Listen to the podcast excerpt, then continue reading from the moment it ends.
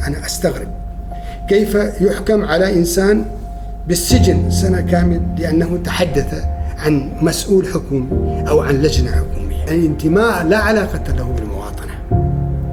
المواطنة هي التي تنتج الانتماء. زين ليش نحصل لغط كبير بين مفهوم الوطنية والمواطنة؟ قامت بالرد علي بأنني أقوم بتشهير المؤسسة الصحية. هذا الوصف لا يمنح ابدا للمؤسسة الاعتبارية للكائن الاعتباري، هذا الذي كتب هذا الرد لا يفقه في القانون. كيف ممكن للفرد انه يمارس حريته في المواطنة بس بدون أن يتصادم مع السلطة؟ فوصل الأمر أعتقد إلى وزارة التراث وكان الوزير آنذاك صاحب الجلالة ورفض أن يعطل الورقة. وقال بأن الورقة لم تطرح إلى الآن، فكيف تحكم على ورقة لم تطرح إلى هذه اللحظة؟ أنا تكلمنا عن الحريات مؤخرا ظهرت ظاهرة كذا اللي هو خطاب التهديد من بعض المؤسسات أو بعض الصحف. الآن في ثلاث ظواهر من بينها الانتفاخ النرجسي والتقبيل وظاهرة الانتهاك اللفظي. يعني مثلا في التيارات الدينية هناك انتهاك لفظي للكاتب بشكل عجيب جدا. يرمى بالكفر يرمى بال يرغب في قطع رقبته. يريد أن يصادر حريته. كذلك الانتفاخ النرجسي. لو جينا مثلا إلى تهديد المؤسسات والصحف للمواطنين لأن المسؤول يعتقد بأنه لا يخطأ. لا يخطئ أبدا. مثلا الحرية مكفولة في حدود القانون. عبارة أو تذييل المادة الدستورية في حدود القانون هذا يعطي المادة يعني غموضا.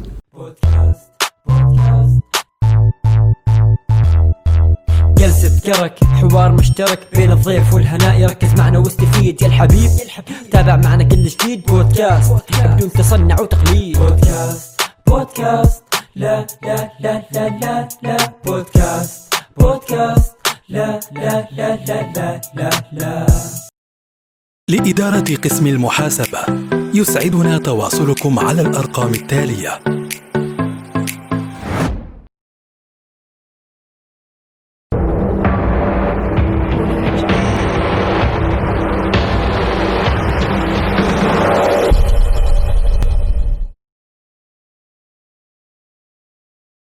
السلام عليكم. حلقة جديدة من بودكاست قصة كرك وهذه الحلقة الثانية من سلسلة مراجعات فكرية مع الدكتور سعود الزدجالي وبتكون الحلقة تحديدا عن مفهوم المواطنة الوطنية. إيش هي الإشكالات؟ إيش هي المشكلات اللي تواجهها آه، المواطنة؟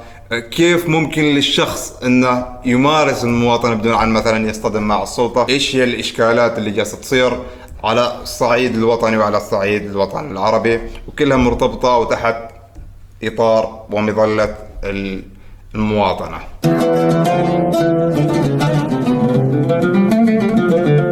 الآن بندخل في محور المواطنة. آه، طبعا دكتور سعود الف كتاب بعنوان المواطنة في سلطنة عمان. آه، أصدر هذا الكتاب في 2013. ف آه، بنبدأ بسؤال عام اللي هو وش المقصود بمفهوم المواطنة؟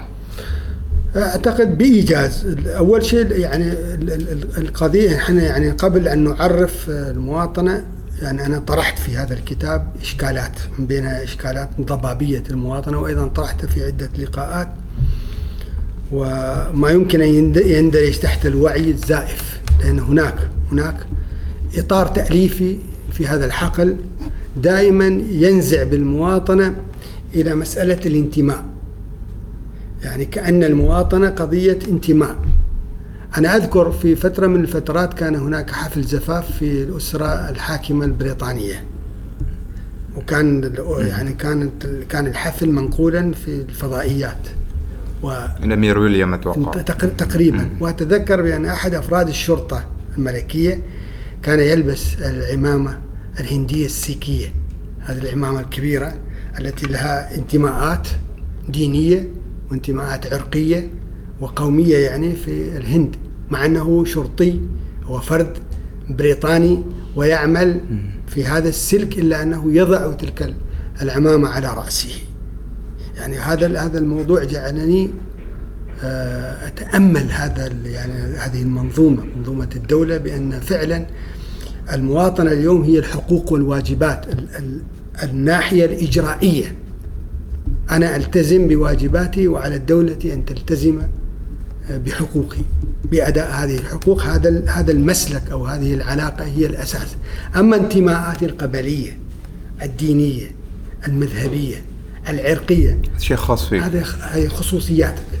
هذه لا لا على هذه قضايا فردية لا. ولذلك المادة 17 من النظام الأساسي للدولة حددت بأن الجميع متساو في إطار القانون وفي صعيد القانون وأمام القانون. دون النظر إلى عرقه أو لونه أو لغته أو جنسه أو إلى آخره. بمجرد أن تحصل على الجنسية العمانية أنت تدخل في إطار المواطن.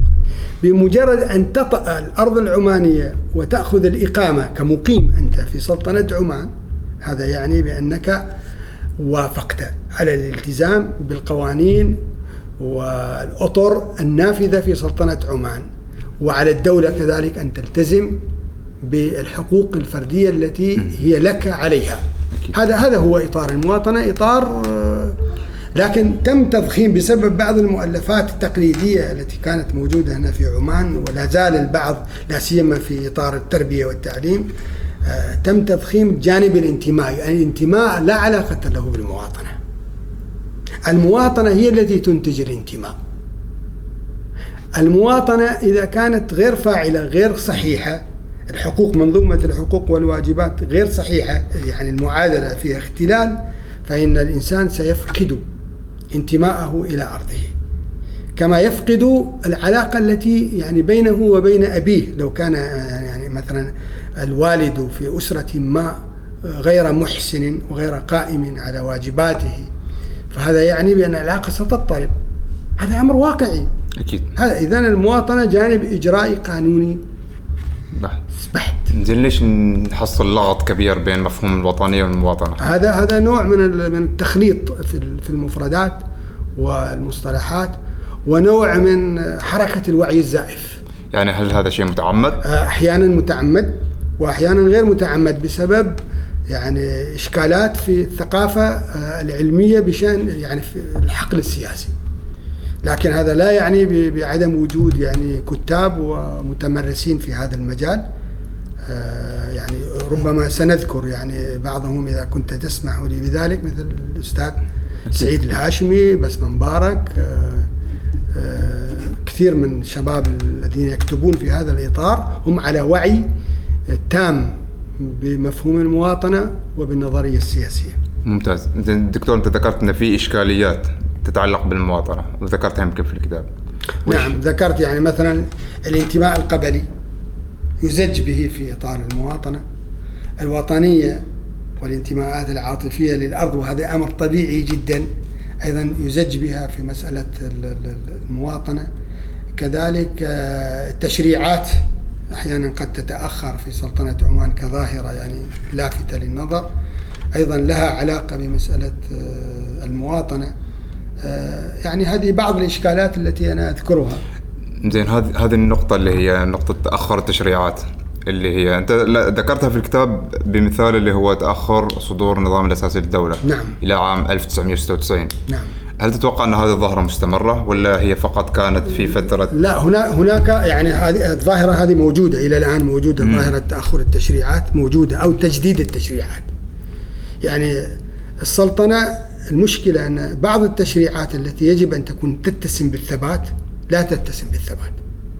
بعض التشريعات التي يجب أن تتسم بدرجة عالية من الوضوح آه، لا سيما ما يتعلق بالحالة الدستورية هي فيها ضبابيه آه، الأمر ال- ال- الآخر الظاهرة الثالثة اللي تتعلق بالتشريعات عدم دخول التشريعات في حيز التنفيذ الحقيقي.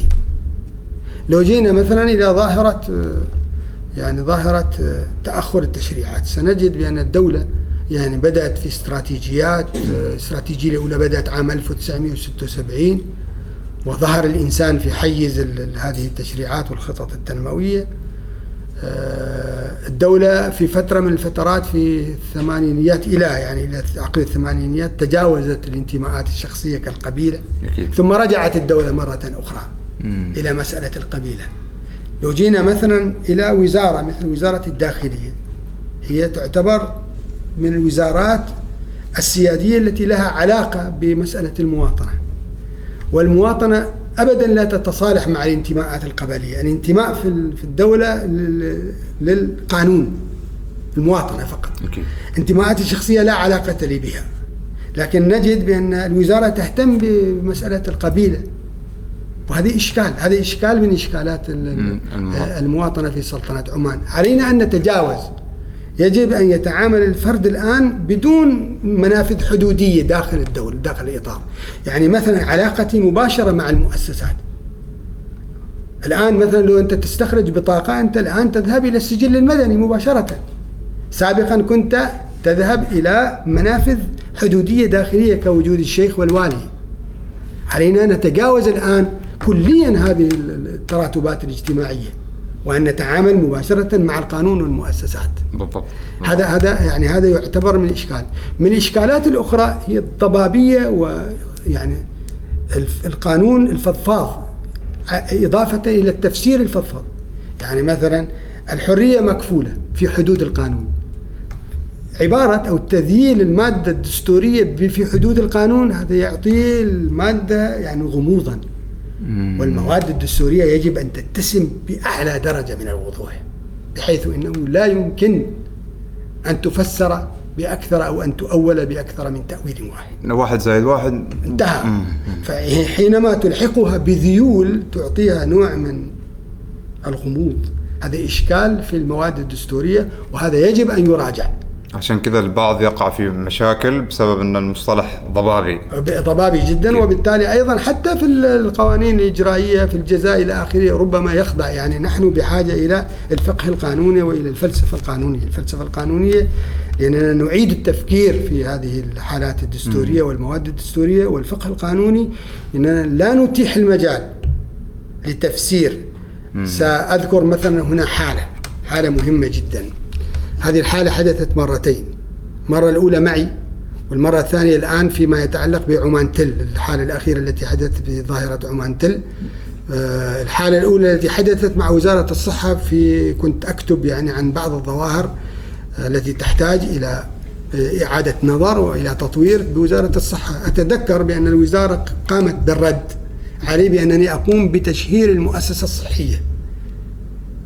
هذا الوصف لا يمنح ابدا للمؤسسة الاعتبارية للكائن الاعتباري، هذا الذي كتب هذا الرد لا يفقه في القانون. والمؤسسة حينما يعني تقع في مثل هذه المصادرات اذا عندها إشكالية في فهم الإطار القانوني، يعني عندها ضبابية في هذا التشهير هذا يقال عن محمد هنا عن سعود الزدقالي، كوني أنا وأنت شخص يعني شخصين طبيعيين. أكيد. لكن المؤسسة الاعتبارية لا يشهر بها. لا يجرم القانون حينما أتحدث عن المؤسسة الاعتبارية. لا يجرمني بأن قمت بالتشهير بها لأنها ليست من الكائنات الطبيعية.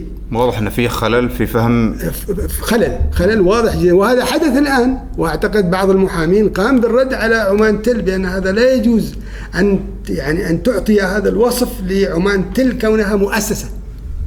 لا يشهر بها. هذه مؤسسة ليست يعني أنت الفرد هو الذي يتعرض للتشهير والتشهير له نظام وحدود قانونية أيضا حتى في إطار الكائن أو الفرد الطبيعي. فما بالك بالكائن لا يعني هذا إشكال قانوني وضبابية في فهم وتفسير القوانين.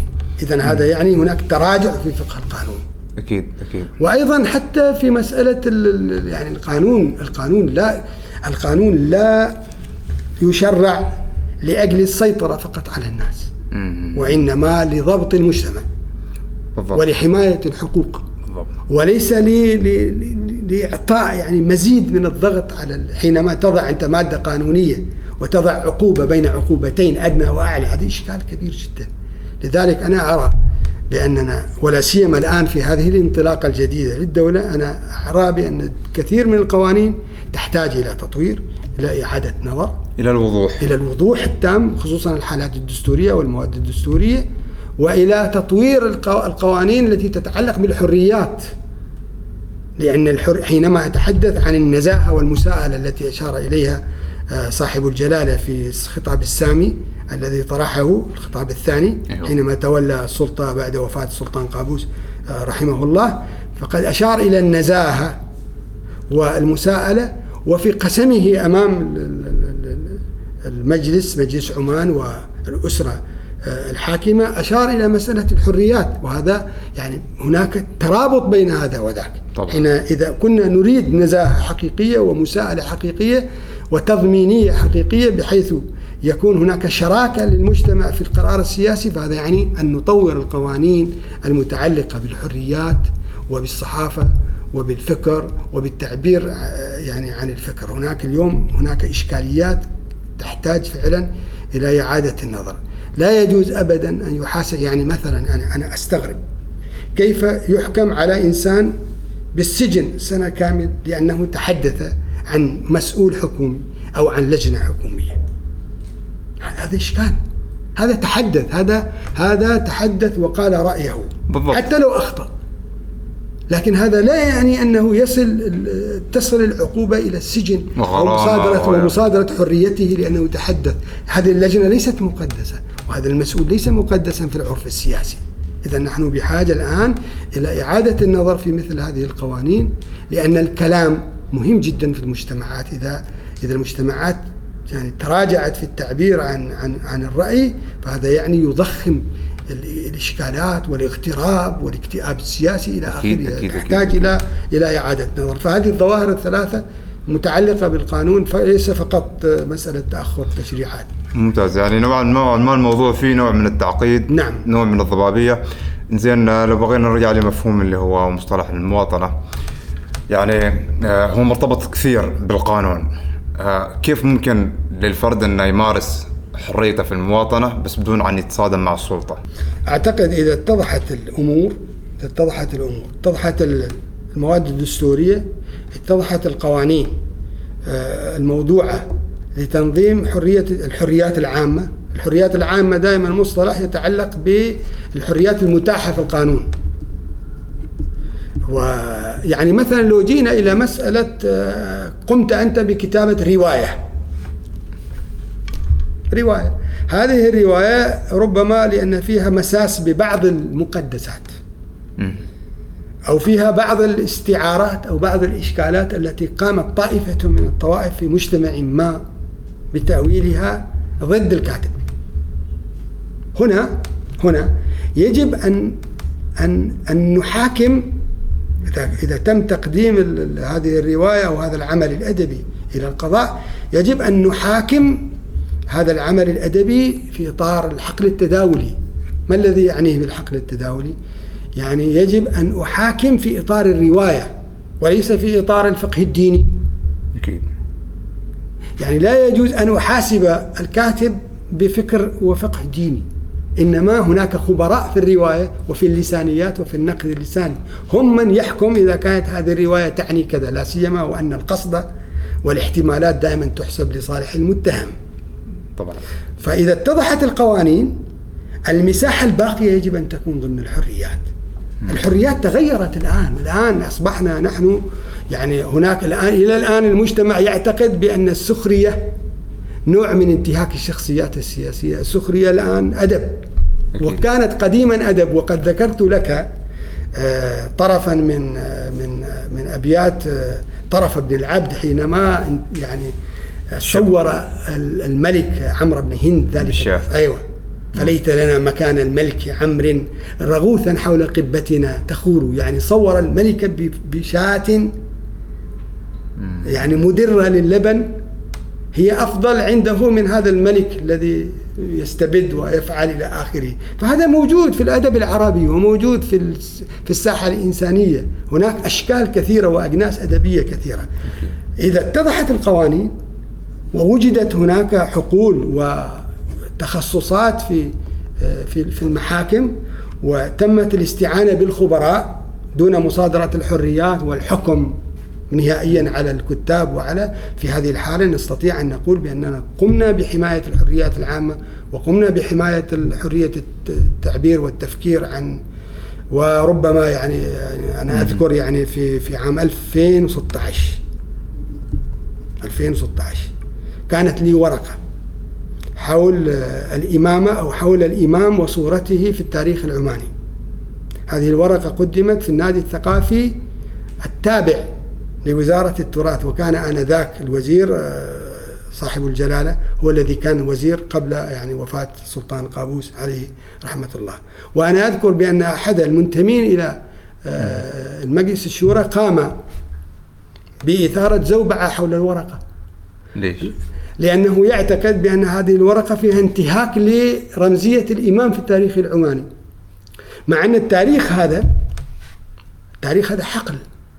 حقل أدبي حقل علمي أيا كان. وهناك قسم للتاريخ في كلية الآداب والعلوم الإنسانية في جامعة السلطان قابوس وفيه دراسات نقدية وإلى آخره. هل سنعطل هذا القسم لأن فلانا يعتقد بأن هذه الدراسة تنتهك رمزية هذا الإنسان أو ذاك الإنسان التاريخ ليس ملكا لأحد. أكيد. فوصل الأمر أعتقد إلى وزارة التراث وكان الوزير آنذاك آه، صاحب الجلالة ورفض أن يعطل الورقة. وقال بأن الورقة لم تطرح إلى الآن. فكيف تحكم على ورقة لم تطرح إلى هذه اللحظة؟ هذا هذا ما بلغني. وطل و- و- ومكتب يعني مكتب آه، يعني صاحب الجلالة وصاحب السمو انذاك طلب الورقة واطلعوا عليها وقمت بعرض الورقة. فاذا هناك إشكالات. دائما في المجتمع هناك سلطات متوزعة. لكن القانون هو الفيصل. إذا بالضبط. كان واضحا أكيد. كان ال- ال- ال- ال- الشخص الذي القيم على القانون فقيها عالما به لا يعني لا تأخذه النزعات والشهوات والأهواء فهذا يعني بأن الحريات ستكون محمية. أكيد ممتاز زين بما ان تكلمنا عن الحريات مؤخرا ظهرت ظاهرة كذا اللي هو خطاب التهديد من بعض المؤسسات أو بعض الصحف يحط لك عنوان بالخط العريض أنه يا أما الالتزام أو السجن مثلا ونحصل مثلا حتى في شركات بدون ذكر أسماء انه خطاب تهديد للمشترك مالهم أو لل... للمواطن بشكل عام. وش رأيك بهذه الظاهرة؟ أنا أعتقد أن هذه الظاهرة فيها ثلاث ظواهر مترابطة. أوكي وهذه الظاهرة هذه الظواهر الثلاث المترابطة ترتبط ب بنزعة إنسانية هذه النزعة متمثلة في الرغبة في الامتلاك الرغبة في امتلاك المؤسسة الرغبة في امتلاك اللغة الرغبة في امتلاك الدين الرغبة في امتلاك الحقيقة الرغبة في امتلاك المنصب الرغبة في امتلاك الحقائق الرغبة في امتلاك الدولة في المؤسسة. هذه الرغبات موجودة عند الإنسان. هل هل هذه الرغبة تعطيك الحق أنك تخاطب الناس بهذا بهذا هذه الرغبة نزوة وهي نزوة طفولية يعني قد تتضخم عند الإنسان وقد تتراجع. والنفس كالطفل إن تهمله شب على. حب الرضاع حب الرضاع وإن ت- تفطمه ينفطم كما قال البوصيري. فيعني إذا إذا إذا إذا تربت النفس الإنسانية على هذه النزاعات وتم تضييع ولذلك لماذا عند اختيار شخصية لقيادة مؤسسة من المؤسسات العامة علينا أن نضع أداة من أدوات قياس السمات الشخصية في علم النفس؟ هذا مهم جدا. أكيد. لأن بعض الشخصيات يعني شخصية يعني هذا هذا طبيعي جدا يعني شخصيات آه، فيها إشكالات شخصيات مورس عليها العنف الشديد مثلا وظهرت عليها نزعات أيضا للعنف كما تذكر التقارير أو شخصيات عندها أنانية مفرطة شخصيات نرجسية. أنا- هذا هو. الآن في ثلاث ظواهر من بينها الانتفاخ النرجسي والتطبيل وظاهرة الانتهاك اللفظي.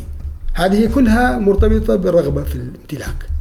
مثلا لو جينا الآن لو صار عندك أنت في الشارع بطريقة عرضية لو واحد من من السائقين دخل هكذا عرضا أمامك وأنت تقود السيارة بسرعة ربما أنت ستقوم بالتلفظ عليه.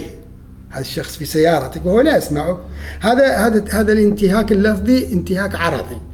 هذا موجود عند الجميع عندي أنا أنت جميعا.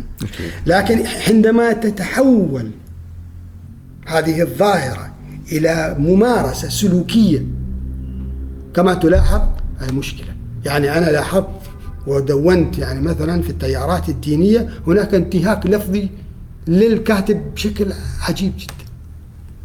يرمى بالكفر يرمى بال يرغب في قطع رقبته يريد أن يصادر حريته يريد أن يحا... وعندي أمثلة هذه كلها تحت إطار اللي هو التملك تح... آه، نعم تحت إطار الرغبة في امتلاك الحقيقة. هو عنده هو يعتقد خلاص بسبب هذه الرغبة أنه يمتلك الحقيقة المطلقة في الدين وأنه هو الوحيد القادر على تفسير النص الشرعي.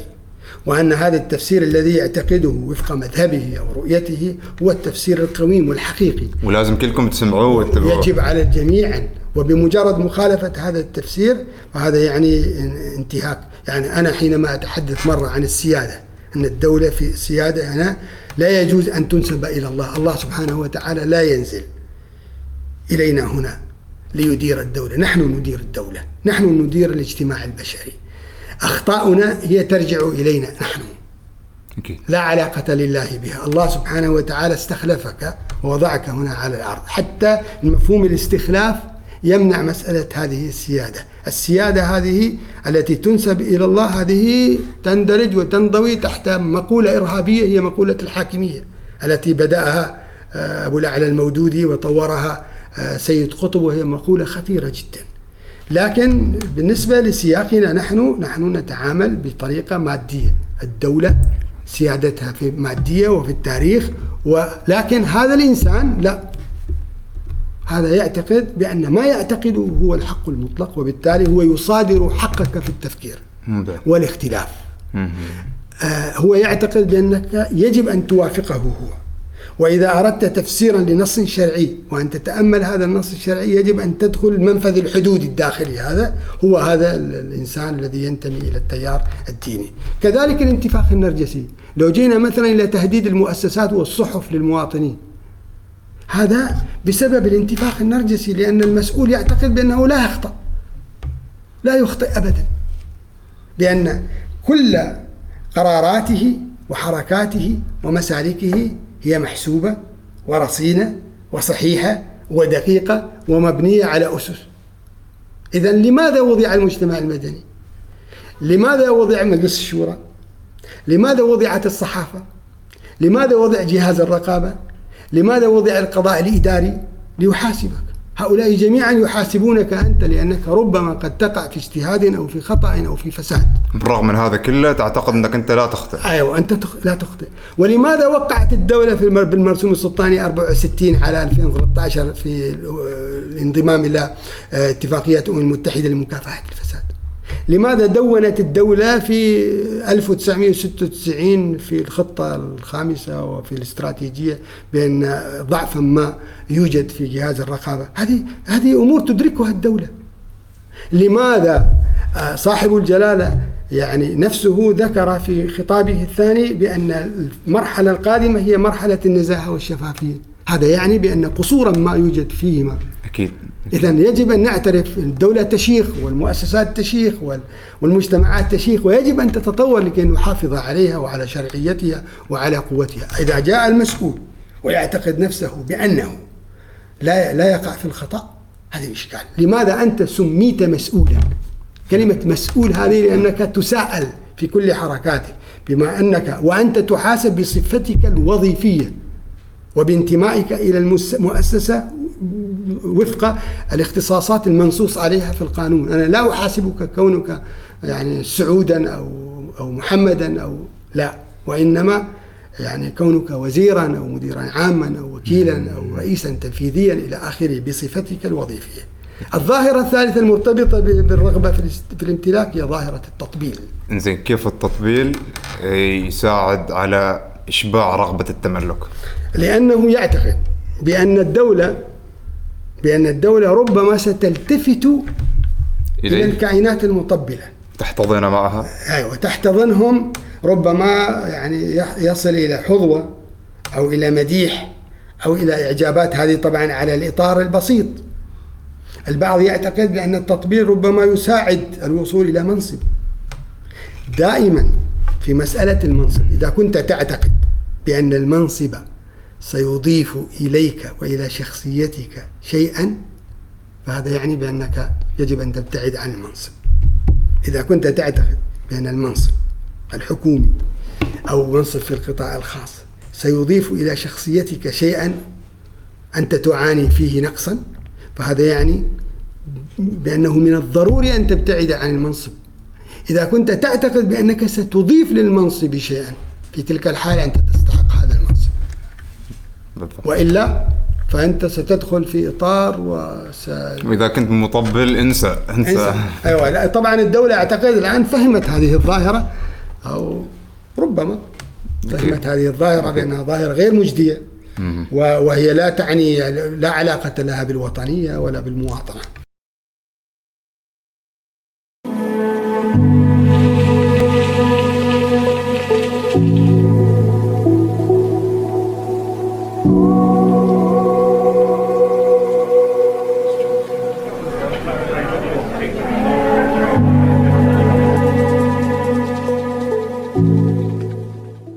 بنختم هذا المحور اللي هو محور محور المواطنة بقراءة وتأملات في خطابات السلطان الراحل وعلاقتها بالمواطنة. يعني إحنا إذا بنخلي السؤال من شقين الشق الأول هو ويش وقع هذه الخطابات والمفردات اللي فيها على المواطنين؟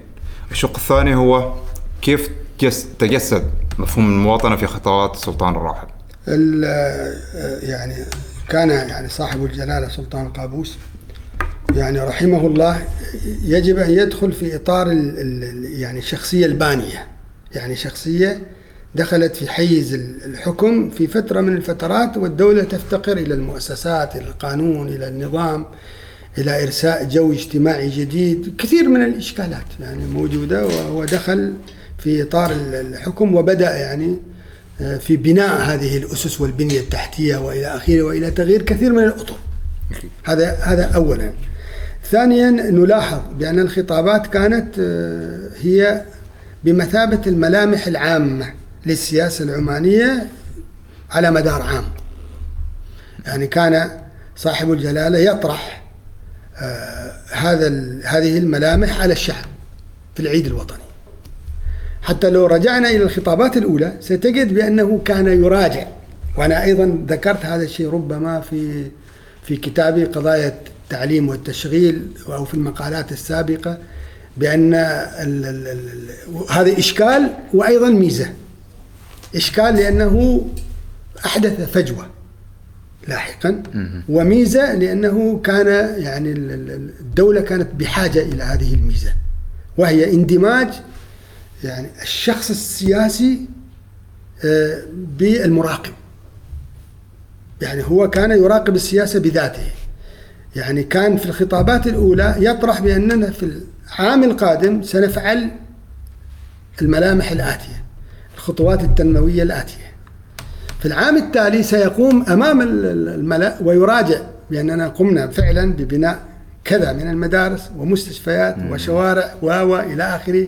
وقمنا بالبعثات يعني يراجع بالإحصائية ويذكرها في الخطابات. وأنا تابعت هذا الموضوع وأنا قارئ يعني آه، جيد للخطابات السلطانية والخطط الخمسية لأن يعني قرأتها وكنت مهتما بهذا الجانب. ممتاز. فهذه المراجعة للعمل السياسي كان يعتبر بمثابة الدفعة القوية للأمام. حينما حينما يعني علت سنه يعني بلغ في السن يعني سنا عالية ولم يستطع أن و و وأدخل آه، منظومات جديدة في السياسة للمراقبة وضعفت هذه المنظومات تراجعت ولذلك هنا ظهرت الإشكالية. الفجوة. الفجوة ظهرت لأن ابتعد الإنسان الذي كان يحرص على المتابعة بنفسه والمؤسسات التي نيط بها هذا الأمر تراجعت. ولذلك وهذا والحكومة هنا لا تخفي هذا الأمر. أنا أنا أستغرب من بعض المطبلين. يعني بالأمس أحدهم ي- يذكر لي بأن أحدهم يذكر بأن بأن السلطنة تتسم بأعلى درجات الشفافية. طيب لماذا أنت يعني تأتي بهذا الحكم المطلق؟ والسلطنة تعترف في حيثيات الحكومة بأن لديها ضعفا في في الرقابة. في عام 1995 في عام 1996 في الخطط الخمسية في الملامح الاقتصادية هناك تدوينات من الحكومة بوجود ضعف في الرقابة وأنت تأتي يعني وتجزم تماماً. أيوة، حينما أنا أعترف لك بأنني مثلا كائن غير موضوعي أنت تمدحني بالموضوعي لماذا؟ وش وش المغزى؟ هذا شوف لاحظ يعني هذا التطبيل إشكال كبير وتضليل يعني في الرأي السلطان نفسه هو يذكر في الخطاب الثاني صاحب الجلاله السلطان هيثم ذكر في بأن الف يعني هو يطمئن المواطنين ويبين لهم بأن المرحلة القادمة هي مرحلة النزاهة والمساءلة إذا هذا يعني بوجود فجوة في منظومة المساءلة وال... ولماذا تطبل أنت؟ هل هذا التطبيل سيخدم الخط التنموي؟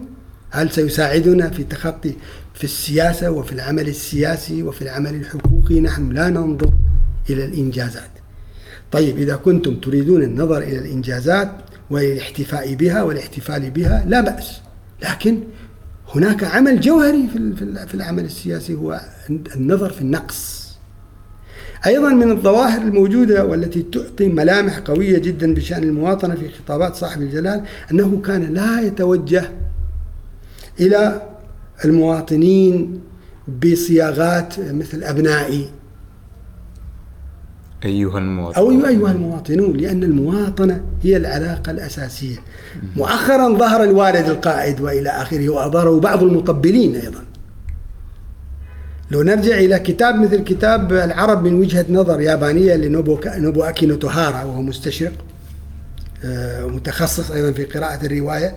العربية ذكر بأن هذا يعد عارا في, في الأمة اليابانية في المجتمع الياباني بأن يتوجه القائد إلى المواطنين بعلاقة الأبوة أو العكس. نحن لسنا أبنائك وأنت لست أبا لنا والقرآن نفسه ما كان محمد أبا أحد من رجالكم. هناك علاقة علاقة نبوة. أنا لست أبا يعني لست أباك والقائد ليس يعني هذه مشكلة كبيرة جدا تحتاج إلى وهذا يتعلق بالوعي السياسي وبالنظرية السياسية. السلطان سلطان سلطان البلاد قائد الدولة هو في رأس الكيان السياسي. أنت حينما تصفه بأنه يعني آه، والدك فهذا لا يزيد السلطان شيئا. وعدم ذكرك لا ينقص منه شيئا لأن شخصيته آه، محمية جدا. آه، وفقا للنظام الأساسي للدولة العلاقة محددة علاقة المواطنة والاختصاصات محددة وكل شيء واضح في القانون. لماذا أنت تلجأ إلى مثل هذا التطبيق؟ أي مشكلة؟ هذا ما تطبيل مزيف. وش ممكن نوصفه؟ تطبيل غبي مثلا أو صادق يعني هو يعني لا, لا هو يعني كل هذه التطبيلات ربما يعني ترتبط بالوعي. بدرجة مم. الوعي. لا تك يعني هناك اكتفاء هناك حالة اكتفاء بأننا أنا يعني أعرف يعني أعلم كل شيء. يعني وهذا هذا الانتفاخ أو امتلاء الذات وأنا ذكرت هذا المصطلح في كتاب المواطنة يجعل هذا الإنسان لا يبحث ولا يقرأ. القلق إزاء المعرفة مهمة جدا. يجب علينا أن نقلق إزاء معرفتنا أن لا نمنحها يعني مطلقية وثوقية وإنما علينا أن نتهمها دائما.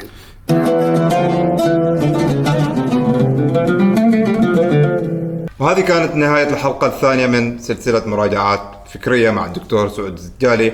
حسابات ضيف بتكون موجودة في صندوق الوصف. إذا عندكم أي أسئلة أو استفسارات حطوهن تحت في مكان التعليقات إذا تحبون نعمل أي تعاون أو للإعلان معنا إيميلنا موجود في صندوق الوصف. like و share و subscribe. نشوفكم إن شاء الله على خير. مع السلامة. جلسة كرك حوار مشترك بين الضيف والهناء يركز معنا واستفيد. يا الحبيب تابع معنا كل جديد. بودكاست بدون تصنع وتقليد. بودكاست. بودكاست. لا لا لا لا لا لا. بودكاست. بودكاست. لا لا لا لا لا.